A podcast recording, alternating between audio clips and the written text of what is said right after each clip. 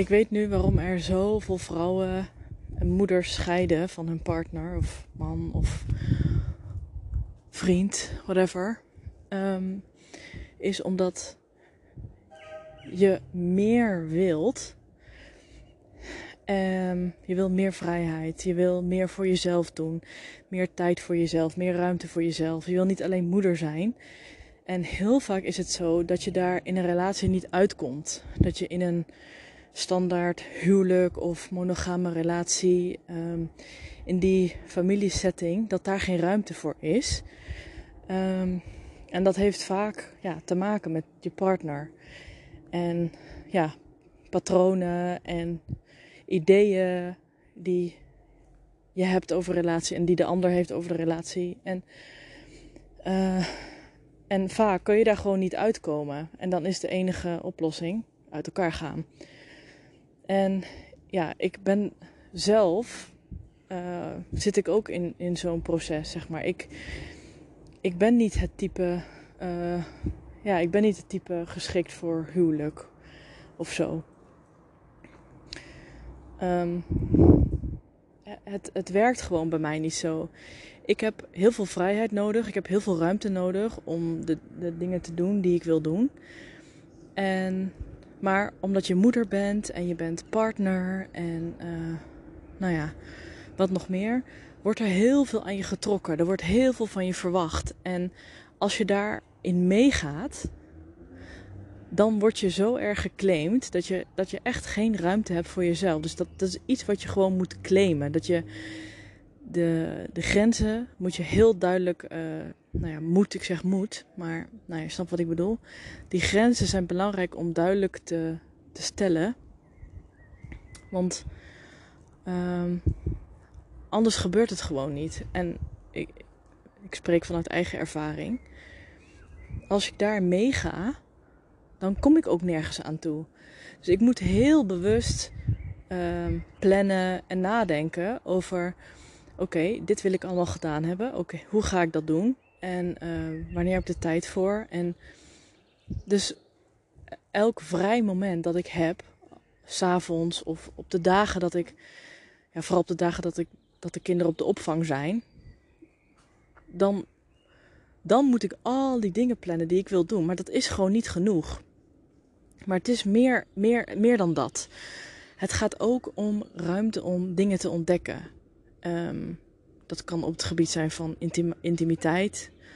Kan andere dingen, andere dingen zijn. Maar um, kijk, het, het, is een beetje alsof je leven een soort van uh, je persoonlijke leven, althans over is als je moeder bent en je hebt een gezin en dan, nou ja, dan kun je leven gedag zeggen. Terwijl dat is niet zo.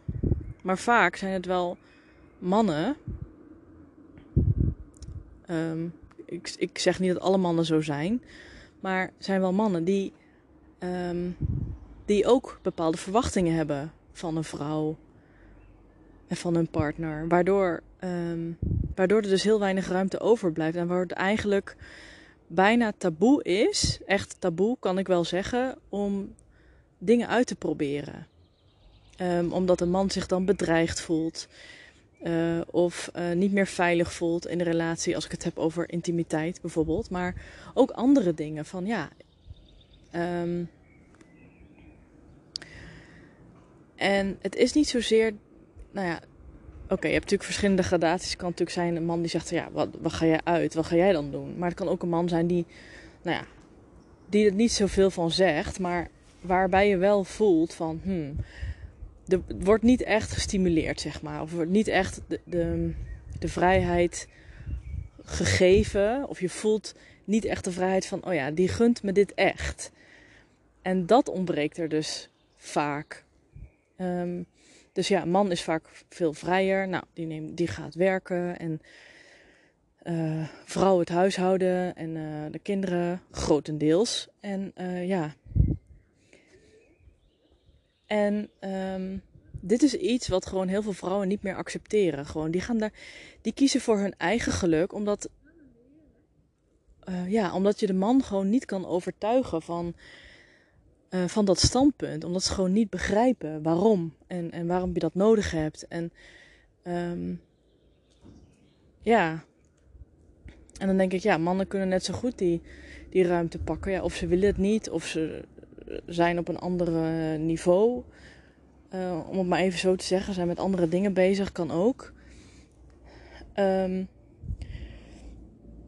maar gewoon constant die bepaalde verwachtingen of op een bepaalde manier, dat je op een bepaalde manier hoort te gedragen en bepaalde dingen hoort te doen. Kijk, tuurlijk heb je verantwoordelijkheden naar je kinderen en alles. Maar um, hoe moeilijk is het om elkaar een beetje vrij te laten, zeg maar. En um, uh, om jezelf door te ontwikkelen. En ik, ik zeg niet dat ik niet vrij ben daarin, maar ik wil daarin nog vrijer kunnen zijn. En nog uh, vrijer en opener kunnen uh, denken. En dat is iets waar ik mee bezig ben nu, daarom, daarom deel ik het ook.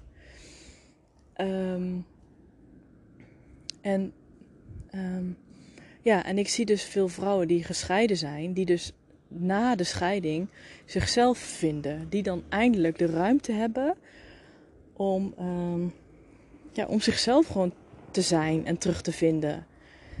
Dus dan is het dus blijkbaar niet mogelijk in een relatie, omdat zo, ja, dan is er geen gunfactor of ik weet het niet. Maar dat is dan blijkbaar in een relatie heel erg, uh, heel erg moeilijk. Um, ja, dus zo lopen er heel veel. En het gaat grotendeels over verwachtingen, zeg maar. En, en communicatie. Echt twee basisdingen. Um, wat verwacht je van elkaar? Wat heb je van elkaar nodig? Kun je dat elkaar geven? Um, wat heb je zelf nodig? Zeg maar. Um, ja. Ja, heel vaak kun je dat dus elkaar op de een of andere manier niet meer geven. En ja, dan, dan is het gewoon klaar. en ik vraag me dus echt af waarom het zo moeilijk is voor een man om een vrouw die vrijheid te geven. En die um, uh, in vertrouwen, zeg maar, vanuit liefde. Ik bedoel, als je van echt van iemand houdt, echt. Um, nou ja, klinkt misschien weer heel cheesy, maar als je echt iemand draagt, dan zeg je toch: oké, ga het maar proberen. Oké, doe het maar. Maar we zitten zo vast in ideeën en patronen over hoe we denken dat een relatie hoort te zijn. En, en als we dan in een relatie zitten, dat we dan ons zus of zo moeten gedragen. En dit kan niet en dat kan. We denken onszelf, ik heb het volgens mij wel in een eerdere aflevering gezegd, we denken onszelf helemaal vast erin. Waarom? En we halen er allemaal gevoelens bij en allemaal dingen van.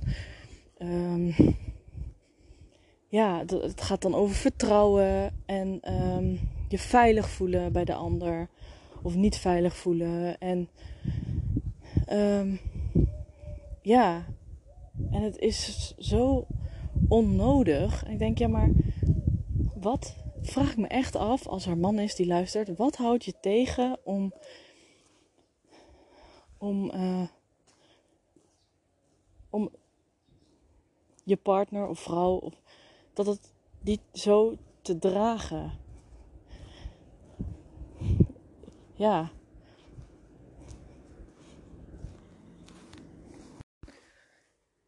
Nou ja, en waarom ben ik, praat ik hier misschien heel erg zo gepassioneerd over? Whatever. Um,